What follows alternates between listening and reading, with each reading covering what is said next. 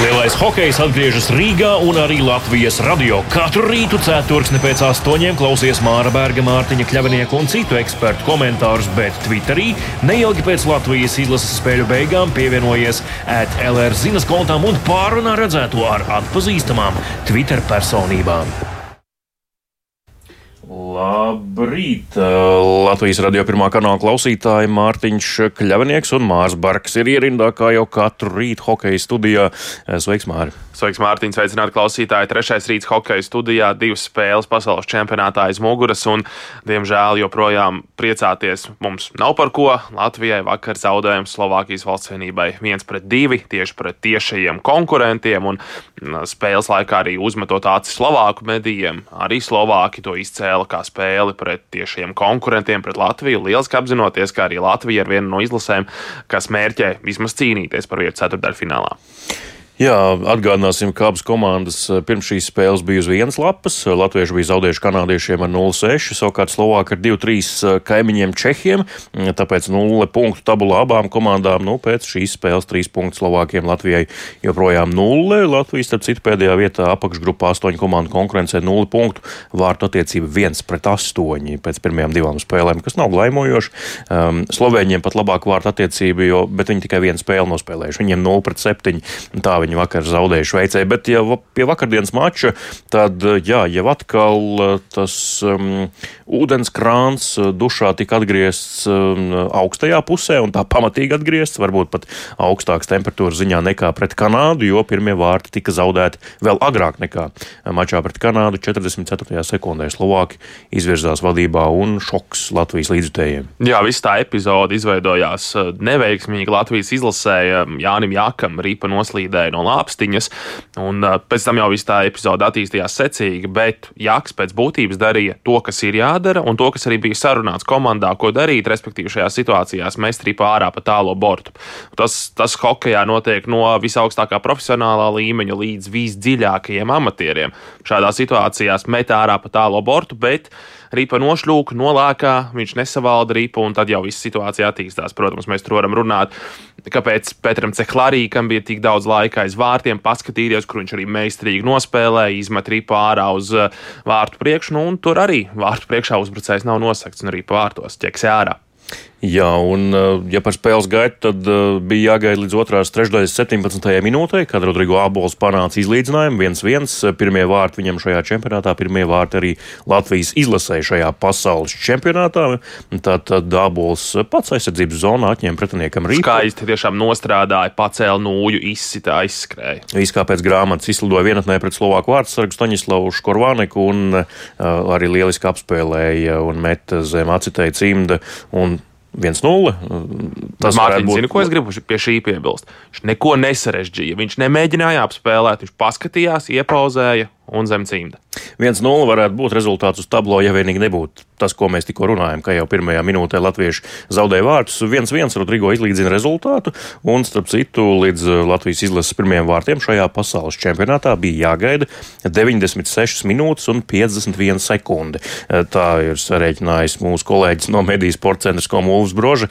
Uh, jā, nu tā tas arī ir, saskaitot kopā visu pirmo maču un arī pieskaitot to, cik laika bija vajadzīgs, lai Rodrigo gūtu vārtus otrajā trešdaļā, cik bija pagājis laiks. Ilgāk bija jāgaida tikai pasaules čempionātā Kanādā, kad pirmie divi zaudējumi bija tā sauktie sausie zaudējumi bez gūtiem vārtiem Latvijas izlasēja pirmajos divos mačos. Bet eh, vakardien nu, mēs runājām ar diezgan lielu pulku spēlētāju. Viņu komentāri visi diezgan līdzīgi. Nu, kaut kas sasēja rokas galvas, neprecizitātes, kaut ko pavirši darījām, kaut ko varbūt ripu kaut kur pārturējām, pārkombinējāmies. Jā, tā visi spēlētāji izteicās, tie komentāri tiešām bija līdzīgi. Un, ja mēs runājam par spēles kvalitāti, minēja, ka Rodrigo izlīdzināja rezultātu 1-1, varējām būt varbūt arī vadībā 1-0. Nu, tam es gan gluži nepiekritīšu. Būtībā pēc pirmā perioda godīgs rezultāts būtu bijis 3-0 Slovākijas labā, nu, varbūt 3-1. Nu, tur bija arī mums pašiem kādi momenti, ko varēja arī iemest, bet uh, spēles kvalitāte bija, teiksim tā, Latvijas izlases izpildījumā ar augšupējošu līkni.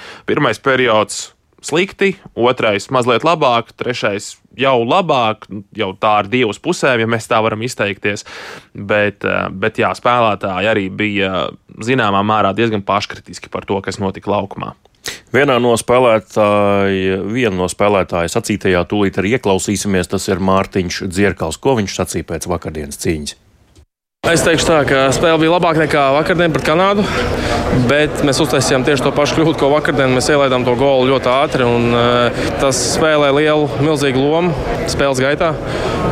Otrajā periodā mēs atdzīvojāmies, uh, iespiedām viņu zonā ilgāk, un uh, tas mums arī deva to pārliecību. Rodrigo iemeta golu, bija viens, viens, viss bija kārtībā. Un, nu, beigās pietrūka, vienmēr ielaidām mazliet nevajadzīgu golu, protams.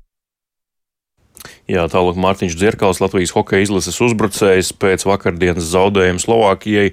Um, nu, jāsaka tā, fani par to ik pa laikam smīkņā un, un iesmēja, ka Latvija vienmēr liek izskatīties pretinieku vārdsargiem varbūt labākiem un meistarīgākiem, varonīgākiem nekā viņi ir. Vakardienas Slovākijas vārdsargs Škorvaneks, nu, tā neko izcilu vārtos neparādījās. Neatceros nevienu tādu epizodu, kur viņš būtu tā vareni izglābis savu komandu. Viņš spēlēja labi, stabili, jā pavilka tur, kur vajadzēja pavilkt, Jā. bet miroņus nevilka ārā noķēra to, kas bija jānoķer. Tas arī noslēdz šo svaru kausu par labu Slovāku uzvarai. Te jāatzīmē, ka uh, Škorvaneks uh, vēl nevis tikko aizvadītajā, bet vēl iepriekšējā sezonā, 2021. un 2022. gada sezonā spēlēja Slovākijas pēcspēku otrajā līgā, kas ir tāds pusprofesionāls līmenis, un šai koreku viņš ir uh, pasaules čempionātā. Jā, nu mēs mēdzam pat pavīpsnāt nu, par Slovākijas augstāko līgu, par Slovākijas čempionātu kā par tādu nu, otrās šķiras čempionāti no Eiropas augstākajām līgām - Šveice, Zviedrija, Somija, Čehija, augstākais plaukts, nu tad tur nāk Slovākija un vispārējie. Bet, protams, arī tas ir gan augsts līmeņa turnīrs beig beigās.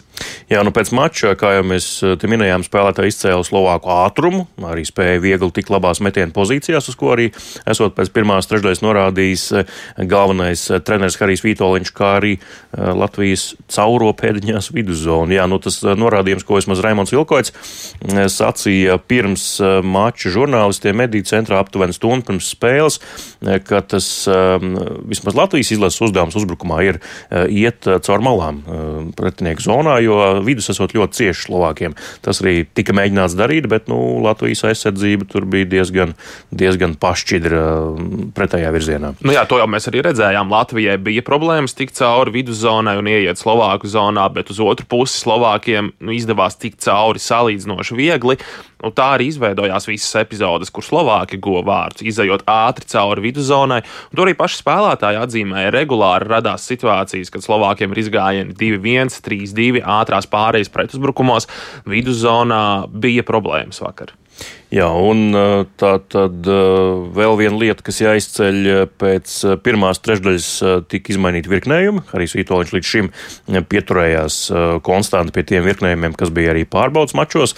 Nu, tur Kanādas spēles izskaņā Dans Ločmēls tika nomainīts pret Denisu Smirnovu centrā starp Kasparu Daugoviņu un Tomu Andersonu šķietnē, Kasparu Daugoviņu un Nu, labi, tas, tagad, tas, tagad, tas nav, nav tik svarīgi, bet, respektīvi, vakardien tika atjaunot saikne vecā labā, kas tika izveidota Hernings pasaules čempionātā pirms pieciem gadiem. Um, Rodrigo Abols centrā un malās Ronalds Čieniņš un Rudolfs Balcers. Um, nu, un uh, tas, acīm redzot, strādāja. Toms Andersons, kurš līdz šim spēlēja kopā ar Rodrigo Abolu un Kasparu Daugaviņu, piekrita treneru lēmumam, ka jā, bija kaut kas jādara un virknējumi jāmaina. Klausāmies Tomu Andersonu. Kaut kādas kļūdas, kaut kur izlaidām viņas cauri. Spēle ir ātra un jā, hokejs ir uz kļūdu spēle. Tas vairāk kļūdījās, tam pretiniekam vairāk iespējas. Otrajā trešdaļā arī virknējuma izmaiņas. Um, kā tas varbūt ietekmēja spēli? Nu, es domāju, ka viss Latvijas zina, ka tas uh, virknējums funkcionē. Pirmais, kas bet, nu, mēs aizdījām labu, labu sagatavošanās posmu, tāpēc mums sākumā vēl nejauc ārā, bet nu, mēs četras periodas bez goliem kaut kas trenerim bija jāmaina. Tālāk Toms Andersons pēc mača vakardien Harijs Vitoļņš atkal bija pozitīvs pēc, vakar, pēc vakardienas mača, tāpat kā bija aizvakar pēc Kanādas spēles. Nu, interesanti pieeja. Viņš Jā. nekritizē publiski savus spēlētājus. Visi spēlētāji arī nu, ir tāda ir kaut kur zināma paškritikas deva, bet brīžiem liekas, ka spēlētāji tomēr publiski vismaz izsakās par spēli labāk nekā tas uz acis izskatās. Galu galā tu pirms tam minēji par faniem, ka fani mēdz vīps, vīpsnāt, ka Latvijas uzbrucēji parasti pretinieku vārdsargiem liek izskatīties labi. Nu, fani arī ejot lejā pēc spēles pa kāpnītēm no trešā stāva uz mēdīju zonu, uz šo interviju zonu. Nu, fani arī tie viedokļi, kas tur bija dzirdami, bija skarbi. Nu, viens no tādiem spožākajiem, es, kas man iekrita prātā, izlaid cenzējumos. Jā, vārdus. teikums sākas ar spēcīgu lamu vārdu Krievu valodā, un, un viņi par šito pēc tam prasa 100 eiro no mums aizmirstiet. Jā, nu tālūk, domā fani, bet ko domā Harijs Vitoļņš, Latvijas hokeja izlases galvenais treneris? Klausāmies! Dinamika parādījās mazliet, jā, un, un tāpēc mēs trešajā atstājām tā, kā ir. Bet, nu, kā jau teicu, momenti bija pietiekami, lai mēs varētu izlīdzināt pie 1-2. Iedzinājos, ja pie 1-1 mums bija izdevības, lai mēs varētu kā, nu, teiksim, realizēt, es saku, vairāk, vairāk tā lēmumu pieņemšana. Jā, jo lielais vairākums tādā spēlē tomēr tās, tās kombinācijas, kas ir saspēlētas visas treniņos, visas, un šeit viņas mazliet neizgāja. Varbūt kaut kur pa ilgu gatavojām, pa ilgu mēs tā koncentrācija bija. Ja, bet, nu, tur vajadzēja izlemt. Tālāk arī Vitoļņš. Um, vēl citos mačos vakar, ja mēs um, atkāpjamies no Latvijas-Slovākijas cīņas, Šveice ar 7-0 uzveic Sloveniju, Kazahstāna pēcspēles metienos ar 4-3 pārspēja Norvēģiju. Atspēlējoties no 1-3 vēl maču gaitā, jā, kas, kas ir tāds, pārsteigums. Tas ir pārsteigums noteikti. Tāpēc grupā Francija ar 2-1 papildu laikā pārspēja Austriju, Dānija ar 3-1 uzveic Ungārus, kas nav pārsteigums, bet mainnieks Somi grūtā spēlē ar 4-3 uzvarēja Vāciju, vienu no aizraujošākajām vakardienas cīņām. Jā, šodien sešas spēles, pa trijām katrā grupā. Tāmperē, ASV, Ungārija, Francija pret Dāniju, savukārt Zviedrija, Austrija vakarā. Bet mūsu pašu grupā šodien sāksies ar Sloveniju, Kanādu. Tur varētu būt daudz vārtu slovēņu mm, vārtu tīklā, tad Norvēģija, Šveice un vakarā Čehija, Kazahstāna, kas varētu būt ļoti, ļoti svarīgs mačs arī Latvijai, jo nākamie pretinieki latviešiem Čehi, savukārt Kazahija jau izcīnīja divus punktus pret Norvēģiem. Tā kā tur noteikti būs interesanti, kas uh, tur būs un kas notiks. Ko Latvija šodien darīs?